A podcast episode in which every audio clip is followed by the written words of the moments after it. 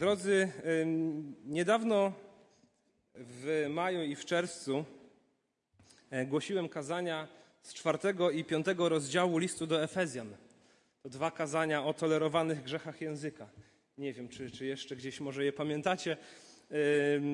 I pomyślałem, że skoro gdzieś w tym liście do Efezjan półtora rozdziału przerobiliśmy, to może dobrze było w nim pozostać, skoro już znamy e, kontekst i wiemy, co chciał apostoł Paweł przekazać i po prostu kontynuować rozważania z listu do Efezjan, to chciałbym dzisiaj zrobić e, i omówić kolejny fragment, e, który, który byłby przed nami, czyli Efezjan, rozdział 5, wersety od 21 do 33.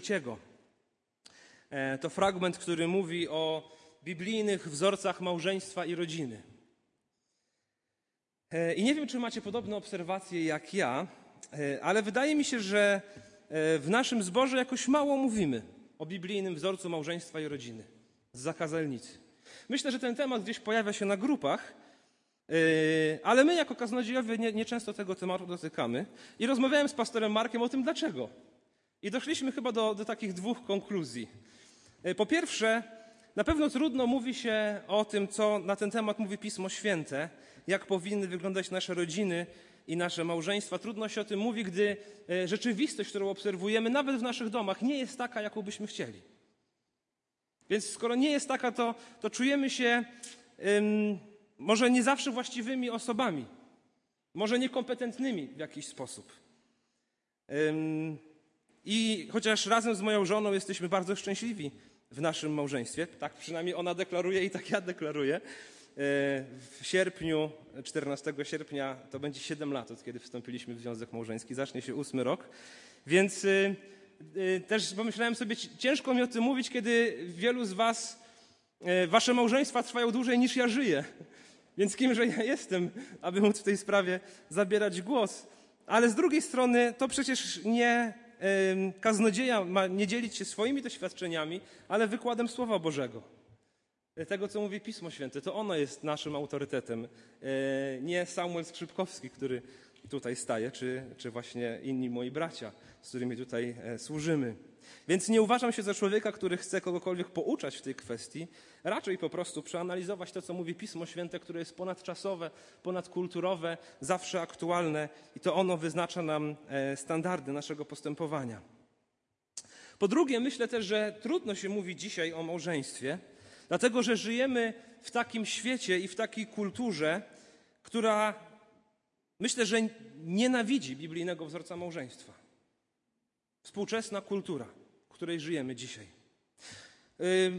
Poczyniłem pewne badania historyczne, może nie jakoś bardzo szerokie, e, i to, z czym się zapoznałem, przygotowując to kazanie, e, to myślę, że jedna z takich koncepcji, która gdzieś mi się pojawiła, że to, że chyba nigdy w historii świata, tutaj w kulturze Zachodu, w której mieszkamy, E, biblijne małżeństwo między kobietą a mężczyzną nie było tak atakowane, jak jest współcześnie.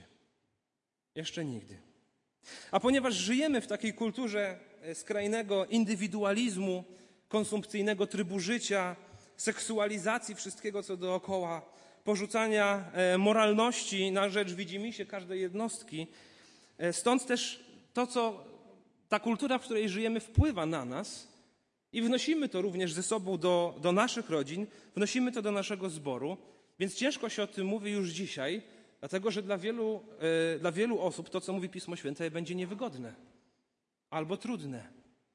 I wydaje mi się, że wielkim problemem e, wielu kościołów ewangelicznie wierzących dzisiaj jest to, że często my mówimy tak, Pismo Święte jest Słowem Bożym, naszym autorytetem, my za nim idziemy, do momentu, aż dojdziemy gdzieś co nie podoba się współczesnej kulturze, co może się nie spodobać naszym sąsiadom, naszym przyjaciołom i jakby zaczynamy się wstydzić niektórych tekstów Pisma Świętego. Wolelibyśmy, żeby może ich tam nie było, bo jakoś takie są nie dzisiejsze. Jakoś tak głupio się przyznać, że ja w to wierzę.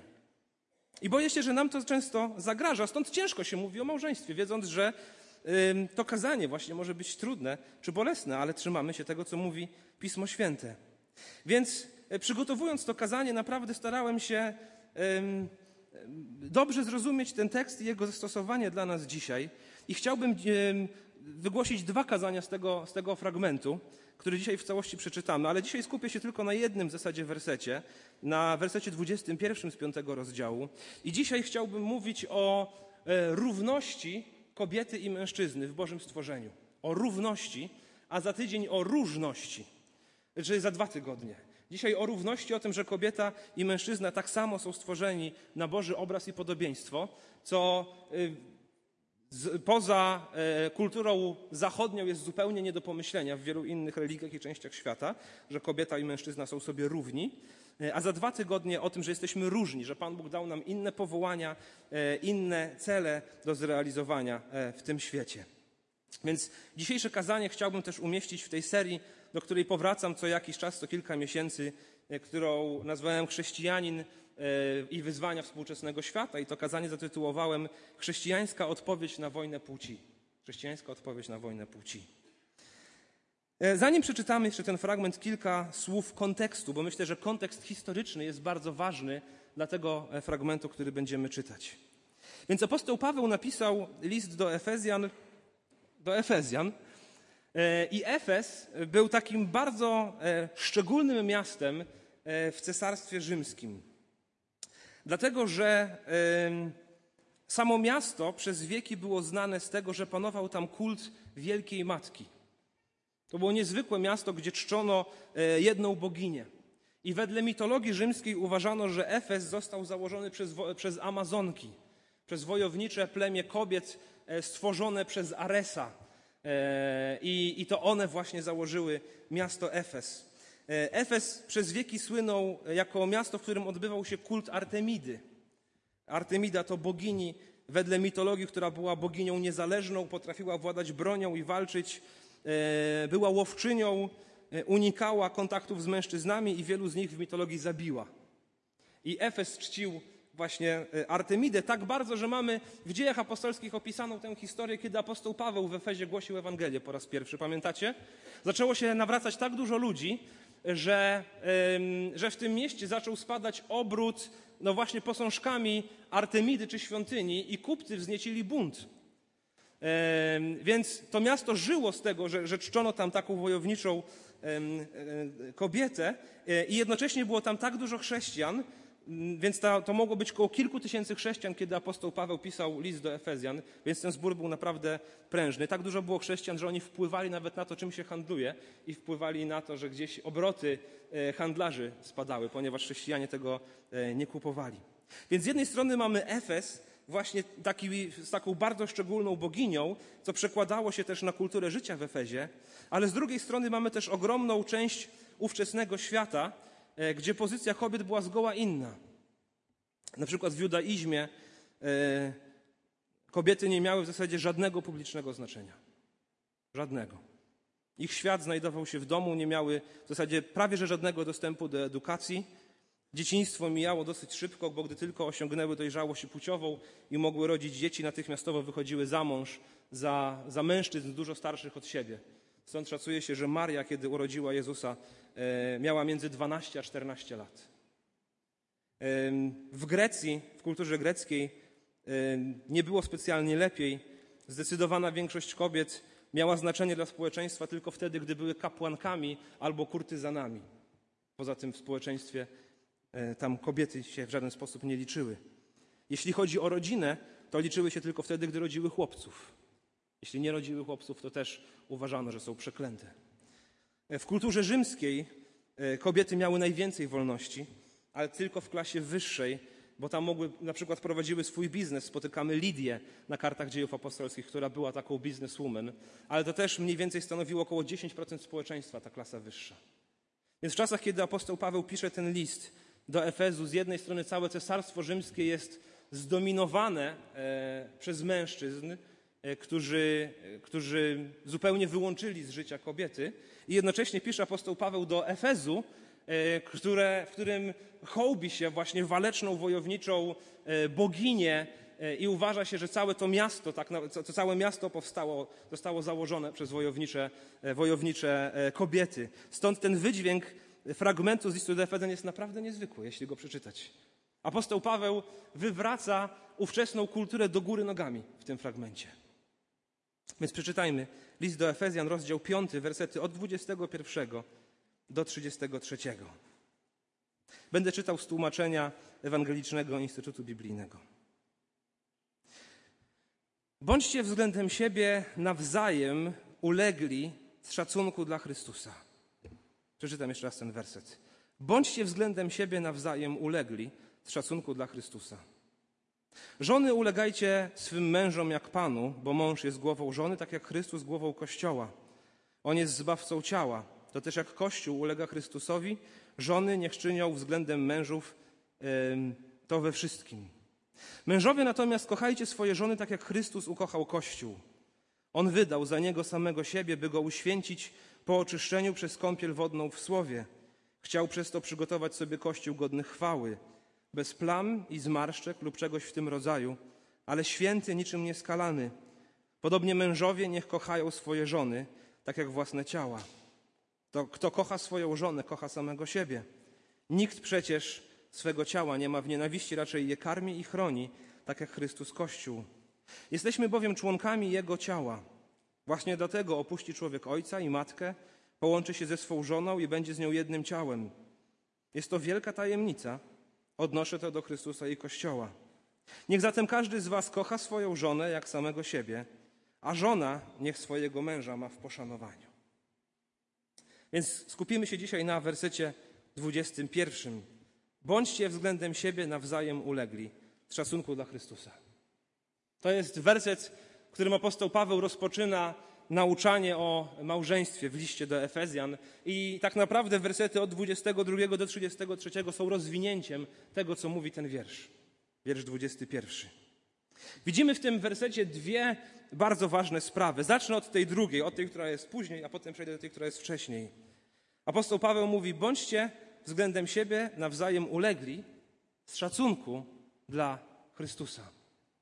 Albo niektóre tłumaczenia mówią w bojaźni Chrystusowej. I dokładnie tak jak w rozdziałach wcześniejszych, tak jak w poprzednich kazaniach starałem się to podkreślić, apostoł Paweł, gdy pisał o uświęceniu, albo gdy pisał o takich codziennych grzechach, gdy wzywał do rozprawienia się z grzechem w naszym życiu, to on nie mówił, tak grożąc palcem, przestańcie plotkować, bo jak nie, to przyjdę i zrobię porządek. Nie mówił tak. Ani nie mówił, przestańcie kłamać, bo jak nie, to coś tam, coś tam, coś tam.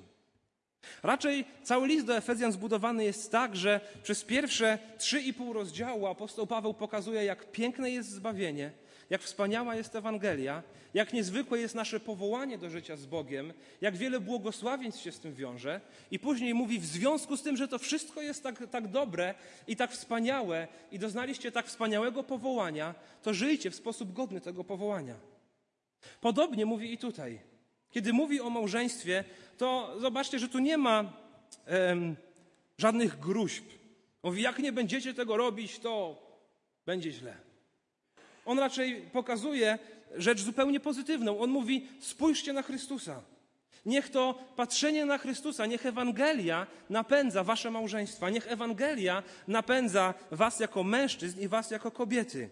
Bądźcie względem siebie um, ulegli z szacunku albo z bojaźni dla Chrystusa. W związku z tymi wszystkimi błogosławieństwami, w związku z Waszą tożsamością jako dzieci Bożych, w związku z tym, że czekacie na życie wieczne, w związku z Duchem Świętym, którym jesteście zapieczętowani, w związku z tym, że Jezus za Was umarł na krzyżu, w związku z tym, że Bóg Was adoptował do swojej rodziny, w związku z tym wszystkim żyjcie w sposób godny Waszego powołania. Żyjcie w taki sposób, aby Wasz niebiański Ojciec nie musiał się za Was wstydzić. Żyjcie tak, jak wam wypada jako Bożym dzieciom. Żyjcie w sposób godny waszego wspaniałego powołania. I apostoł Paweł mówi, prowadźcie swoje małżeństwa, albo jako kobiety i mężczyźni, żyjcie e, w sposób godny waszego powołania. Żyjcie w szacunku, czy z szacunku dla Chrystusa, w bojaźni Chrystusowej. Myślcie o Nim w waszych małżeństwach i o tym, kim On jest. Drodzy, jestem przekonany, że jeśli e, nasze małżeństwa mają przetrwać w erze i w kulturze, która jest im tak wroga, to nasze małżeństwa muszą być skupione na Chrystusie i zasilane przez Jego łaskę. Inaczej to się nie powiedzie. Inaczej to się nie powiedzie.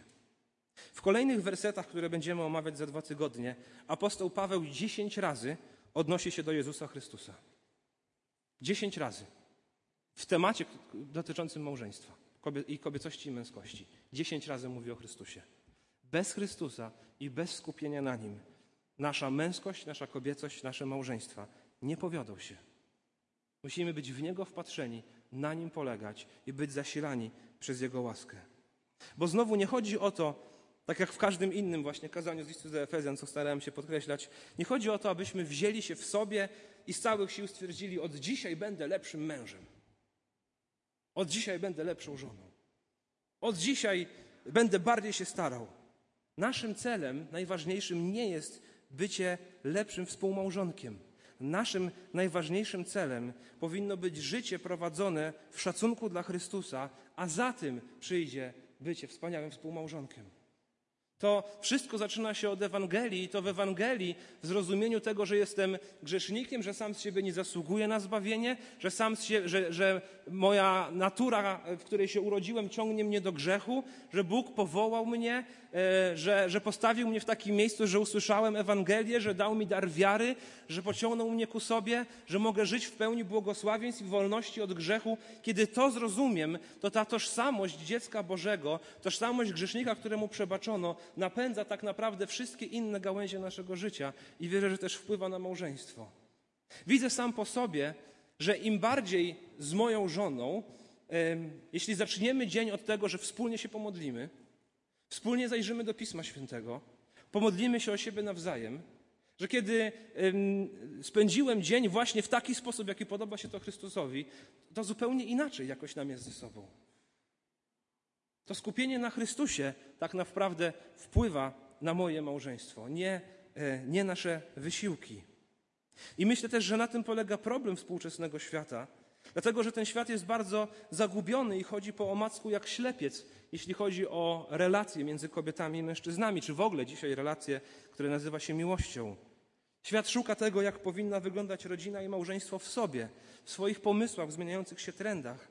Podczas gdy my, jako chrześcijanie, jesteśmy na wspaniałej, niezwykłej, uprzywilejowanej pozycji. Bo to możemy sięgnąć po instrukcję, którą napisał sam Stwórca. Ten, który wymyślił kobiety i mężczyzn, ten, który wymyślił małżeństwo i powiedział nam, jakie wieść. Gdzie indziej mamy się udać, aby, aby y, wieść y, szczęśliwie nasze życie jako kobiety, jako mężczyźni, jako małżeństwa. Możemy pójść do samego architekta małżeństwa i od niego się tego uczyć. Im więcej w naszym personalnym życiu i w naszym małżeńskim życiu będzie przejęcia się Jezusem, to wierzę, że tym lepiej one będą wyglądały. Więc z szacunku dla Chrystusa. Natomiast pierwsza część tego zdania mówi: bądźcie względem siebie nawzajem ulegli. Z szacunku dla Chrystusa. Bądźcie względem siebie nawzajem ulegli. Słowa, które były nie do pomyślenia w tamtejszej kulturze. Słowa, które były nie do pomyślenia w kulturze zdominowanej przez e, silnych mężczyzn i w mieście, które było taką ostoją, e, które było zdominowane przez myślenie o sile i o wojowniczości kobiet. Apostoł Paweł zapisał zdanie, które wywracało tamtejszą kulturę do góry nogami. Bądźcie względem siebie nawzajem ulegli szacunku dla Chrystusa. Są to słowa mówiące o tym, i to będzie właśnie rozwijał w dalszej części tego fragmentu apostoł Paweł, gdzie mówi o tym, aby tę drugą osobę stawiać wyżej od siebie. I będzie mówił, że to jest co innego oznacza dla mężczyzn, co innego oznacza dla kobiet, że, że ta wzajemne e, stawianie tej drugiej osoby wyżej od siebie objawia się w inny sposób w naszych małżeństwach, ale mówi, musicie mieć to nastawienie tego, że bądźcie względem siebie nawzajem ulegli. Co to znaczy? Myślę, że bardzo dobrze opisuje to historia, kiedy dwóch braci, apostołów, Jakub i Jan, kłócili się o to, kto z nich będzie większy w Królestwie Niebios. Pamiętacie, co im odpowiedział Jezus? To pierwsi, ci, którzy chcą być pierwsi, będą ostatnimi. Ostatni będą pierwszymi. Oto jest kultura Królestwa Bożego. Oto jest nastawienie Królestwa Bożego do wzajemnych relacji między bliźnimi i z pewnością między małżonkami stawianie tej drugiej osoby wyżej ode mnie. Pamiętacie, co powiedział Jezus o swojej misji? Syn człowieczy nie przyszedł, aby mu służono, lecz aby służyć i oddać swoje życie na okup za wielu. Oto jest zasada Chrystusa, której my potrzebujemy w naszych małżeństwach. Oto jest zasada Chrystusa, której my potrzebujemy w dzisiejszym świecie, który walczy. W świecie, w którym trwa wojna płci. W świecie, w którym trwa jeden chce prześcignąć drugiego w wyścigu na przykład kariery. Syn człowieczy nie przyszedł, aby mu służono, lecz aby służyć i oddać swoje życie na okup za wielu. Myślę, że to jest zdanie, które warto wygrawerować sobie na przykład na obrączce albo zawiesić w wejściu do domu. Samuel Skrzypkowski nie wszedł w małżeństwo, aby mu służono, lecz aby służyć i oddać swoje życie na okup za swoją rodzinę. I wierzę, że moja żona mogłaby powiedzieć to samo. To jest nastawienie, którego dzisiaj potrzebujemy. A myślę, że zdecydowanie zbyt często traktujemy relacje z innymi ludźmi, relacje również w naszym małżeństwie, jak poligon wojenny, na którym musimy zdobyć kolejny skrawek ziemi, kolejny skrawek wpływu. I zdecydowanie za rzadko mamy to nastawienie Jezusa, który wziął ręcznik, przepasał się nim i umył nogi swoich uczniów, kiedy nikt nie chciał tego zrobić. Więc wedle tego fragmentu widzę, że małżeństwo to wzajemna służba sobie nawzajem, to pomaganie sobie, to troszczenie się o siebie nawzajem i stawianie drugiej osoby wyżej od siebie. W jaki sposób to się wyraża, to znowu za, za dwa tygodnie w dalszych wersetach tego fragmentu. Więc apostoł Paweł zaczyna nauczanie o małżeństwie od tych dwóch spraw. I myślę, że jest konieczne, abyśmy o nich zawsze pamiętali. O odpowiedzialności przed Chrystusem, o bojaźni Chrystusowej i jednocześnie o tym, że jako kobiety i mężczyźni w Bożych oczach jesteśmy równi, mamy tę samą wartość. Tę samą wartość. Co odróżnia fundamentalnie chrześcijaństwo od nauczania wielu innych religii tego świata i mnóstwa kultur, które wyrosły na gruntach tych innych religii. Bo uważam, że za każdym razem, gdy mówimy o kobietach i mężczyznach, zawsze musimy podkreślać naszą równość w Bożym stworzeniu i jednocześnie naszą różność w rolach, które dał nam Bóg. Od samego początku Biblii, już w pierwszym fragmencie, w którym w ogóle jest mowa o człowieku, pierwszy fragment, który w ogóle mówi o człowieku, już tam jest mowa o tym, że kobiety i mężczyźni przed Bogiem są równi. Następnie powiedział: Bóg uczynimy człowieka na nasz obraz, na nasze podobieństwo. Niech panuje nad rybami mórz, nad tym wszystkim, co lata, nad bydłem, nad całą ziemią, nad wszelkim płazem, który po niej pełza.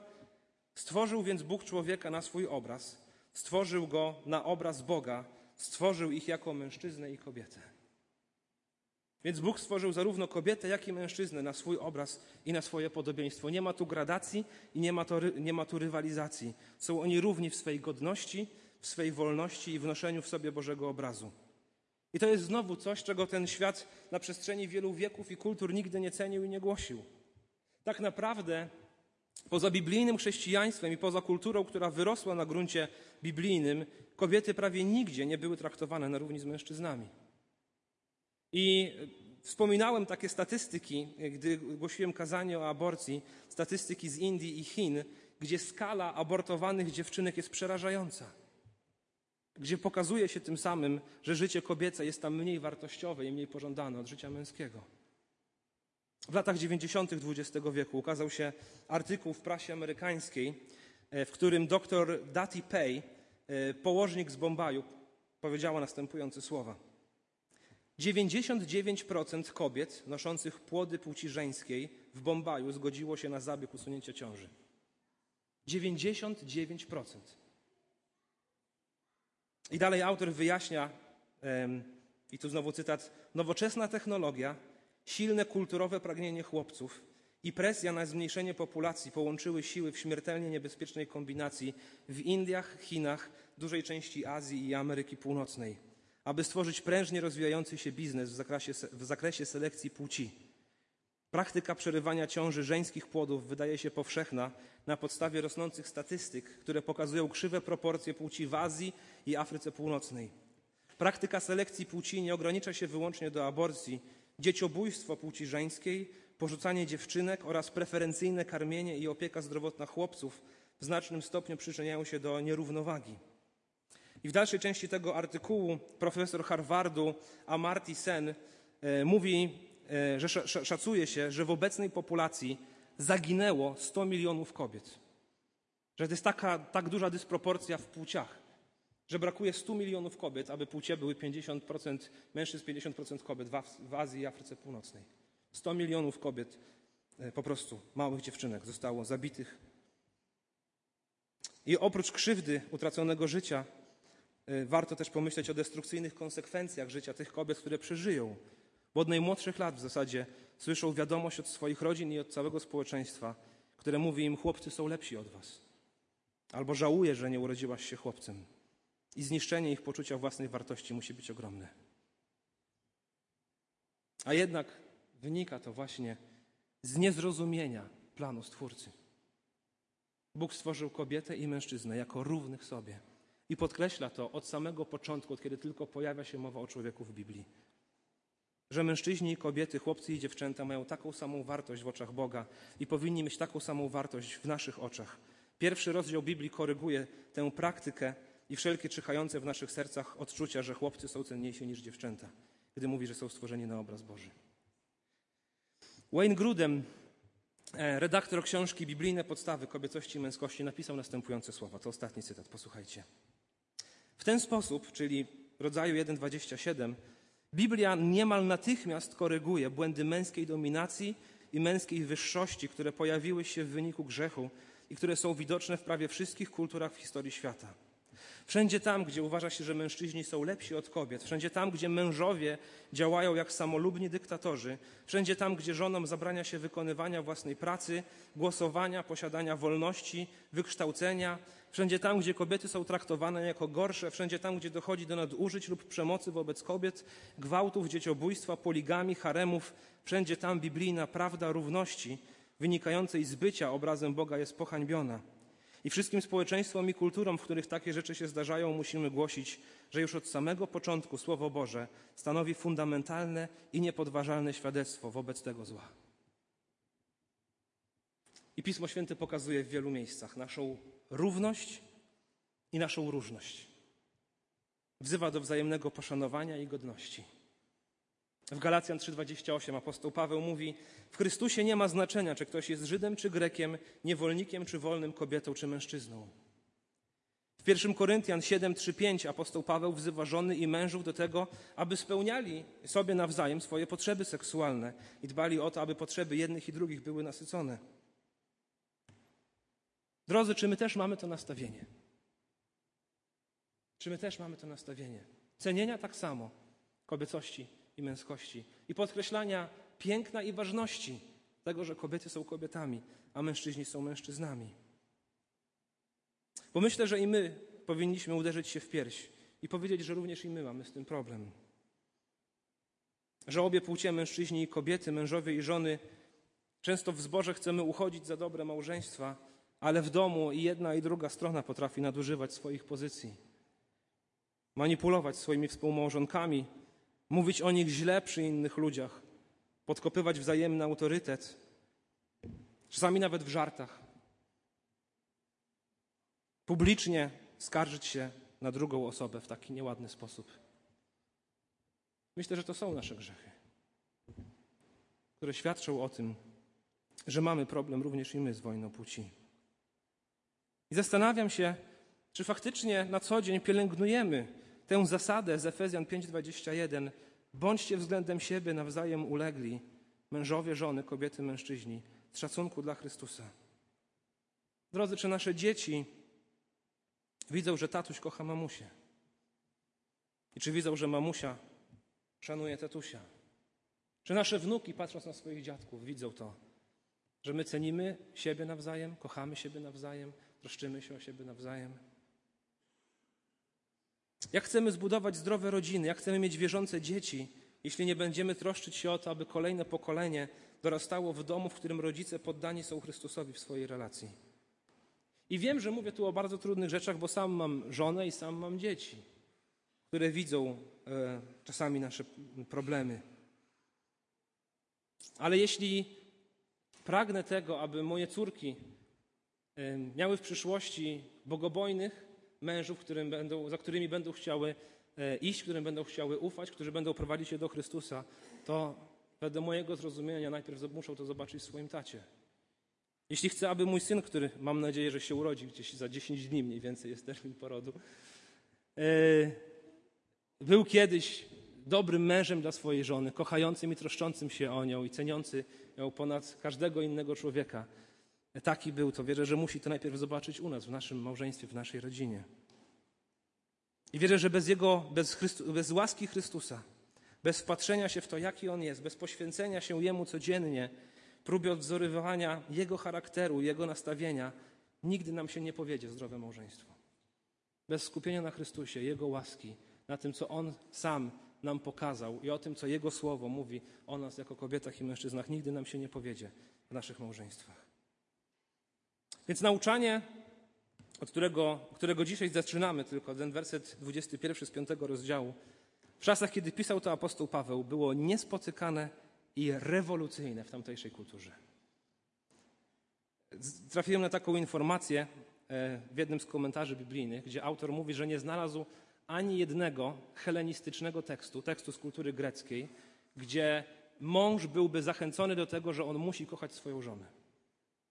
Nie było takiego nakazu, że mąż musi kochać swoją żonę. To, o czym pisze apostoł Paweł.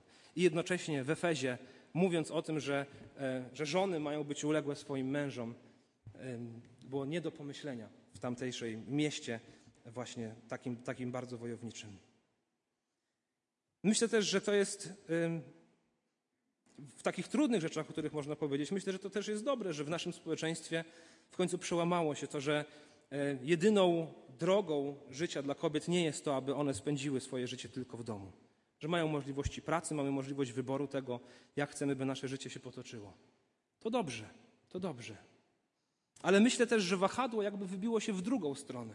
To jest coś, czego, o czym rozmawiałem z kilkoma kobietami w naszym zborze. Oto mamy w naszej kulturze dwa powiedzenia na opisanie kobiet. Jedno to kura domowa, a druga to, drugie to kobieta sukcesu. Co wybrzmiewa w tych dwóch stwierdzeniach? Natychmiastowo jedno się kojarzy bardzo pozytywnie, a drugie kojarzy się bardzo negatywnie. Kiedy słyszymy kura domowa, widzimy kobietę z gromadką dzieci przygotowującą obiad w domu. Kiedy słyszymy kobieta sukcesu, widzimy kobietę w żeńskim garniturze z kubkiem kawy na wynos kupionym w modnej kawiarni, która rozmawia przez komórkę i dyktuje swoim podwładnym, co mają robić w pracy. I nieraz w naszych rozmowach w zborze też słyszałem te określenia. Do tego stopnia myślę, że jest to trudne w środowisku ewangelicznym i znowu również w naszym zborze, że spotykałem głosy zdziwienia, kiedy ktoś powiedział, że chce mieć więcej niż dwójkę dzieci. Że trójkę to, no to, no to jak? To mam nadzieję, że, że szybko oddacie do żłobka i potem do pracy, żeby się realizować. I wydaje mi się, że to wahadło tego, gdzie właśnie kobiety nie miały żadnego innego wyboru przez lata niż tylko spędzenie swojego życia w domu, wybiło się tak bardzo w drugą stronę, że dzisiaj w naszym mieście jedną z najbardziej y, grupą kulturową czy grupą społeczną, która jest najbardziej e, tak piętnowana czy negatywnie się mówi o tej grupie społecznej, to są kobiety, które mają więcej niż trójkę dzieci i zdecydowały się poświęcić swoje życie w trosce o rodzinę i wychowywaniu tych dzieci. To jest jedna z najbardziej pogardzanych grup społecznych dzisiaj w Warszawie. I boję się, że to się przekłada również na nasz zbór. Więc świat, który uciska kobiety i traktuje je jako gorsze od mężczyzn, jest światem absolutnie grzesznym. Tak samo jak ten sam świat, który próbuje z kobiet zrobić mężczyzn i wprowadza rywalizację między płcie, a nie uzupełnienie się tych płci. Gdy gardzi się tymi, którzy nie tańczą do kulturowej melodii, którą gra ten świat. Chrześcijanie, nie róbmy tego. Nie róbmy tego. Stawajmy w obronie biblijnych wartości. Stawajmy w obronie tego, co zaplanował nasz Stwórca. Wierzę, że łatwo przychodzi nam walka płci, bo ten świat ją bardzo nakręca. Jest przesiąknięty, podobnie jak starożytność, tym samym myśleniem, gdzie w ogromnej części tego świata panuje pogarda dla kobiet, a w naszej kulturze panuje pogarda już dzisiaj w ogóle dla, dla płci. Czy przestaliśmy podkreślać piękno różnorodności płci? Cech zarówno męskości, jak i kobiecości. Użyłbym takiego obrazu posiłku. Usiądziemy do niedzielnych obiadów i możemy na talerzu na drugie danie mieć kilka rodzajów jedzenia. I każde jest niezwykłe i cudownie smakuje. Ale można też to wszystko wrzucić do miksera, zmiksować I chociaż będzie to to samo, tak naprawdę to samo, co mieliśmy na talerzu, to jednak kolor i smak tego, co zjemy, będzie zupełnie nijaki. I myślę, że nasza kultura to właśnie robi z kobiecością i męskością. Próbuje wrzucić do blendera, wszystko ze sobą wymieszać i powiedzieć, w zasadzie wszystko jest takie samo. Zmiksujmy to ze sobą i niech każdy sobie jest tym, czym chce i kim chce. Porzuciliśmy unikatowość Bożego stworzenia i cechy, jakie z tego wynikają, dla zmiksowanej papki. Więc drodzy, służmy sobie nawzajem, a nie walczmy ze sobą nawzajem. Stawiajmy siebie nawzajem, tę drugą osobę wyżej od siebie. Ceńmy i przekazujmy kolejnym pokoleniom piękno męskości i kobiecości, ich równość, równość, której żadna wielka religia tego świata i żadna wielka filozofia tego świata oparta na religii nie głosi. A jednocześnie naszą różnorodność. Okazujmy sobie szacunek i miłość. Nie poddawajmy się wzorcom tego świata, ale niech nas przemienia Słowo Boże, niech ono nam wyznacza standardy. To my twórzmy kulturę opartą o to, co powiedział Stwórca tego świata, będąc zawsze wpatrzeni w Niego, w Chrystusa, który jest dla nas wzorem postępowania, który umarł za nasze grzechy na krzyżu Golgoty, za nasze grzechy egoizmu, za nasze grzechy poczucia się lepszym od innych, za nasze kłótnie i nasze niesnaski. Świadomi tego, że chodzimy w poczuciu bojaźni i odpowiedzialności przed Nim, ceniąc Jego łaskę, którą nas obdarował, ceniąc zarówno kobiecość, jak i męskość w taki sposób, w jaki stworzył ją Bóg, uzupełniając się wzajemnie w bojaźni Chrystusowej, a nie walcząc wzajemnie w wojnie płci. Amen.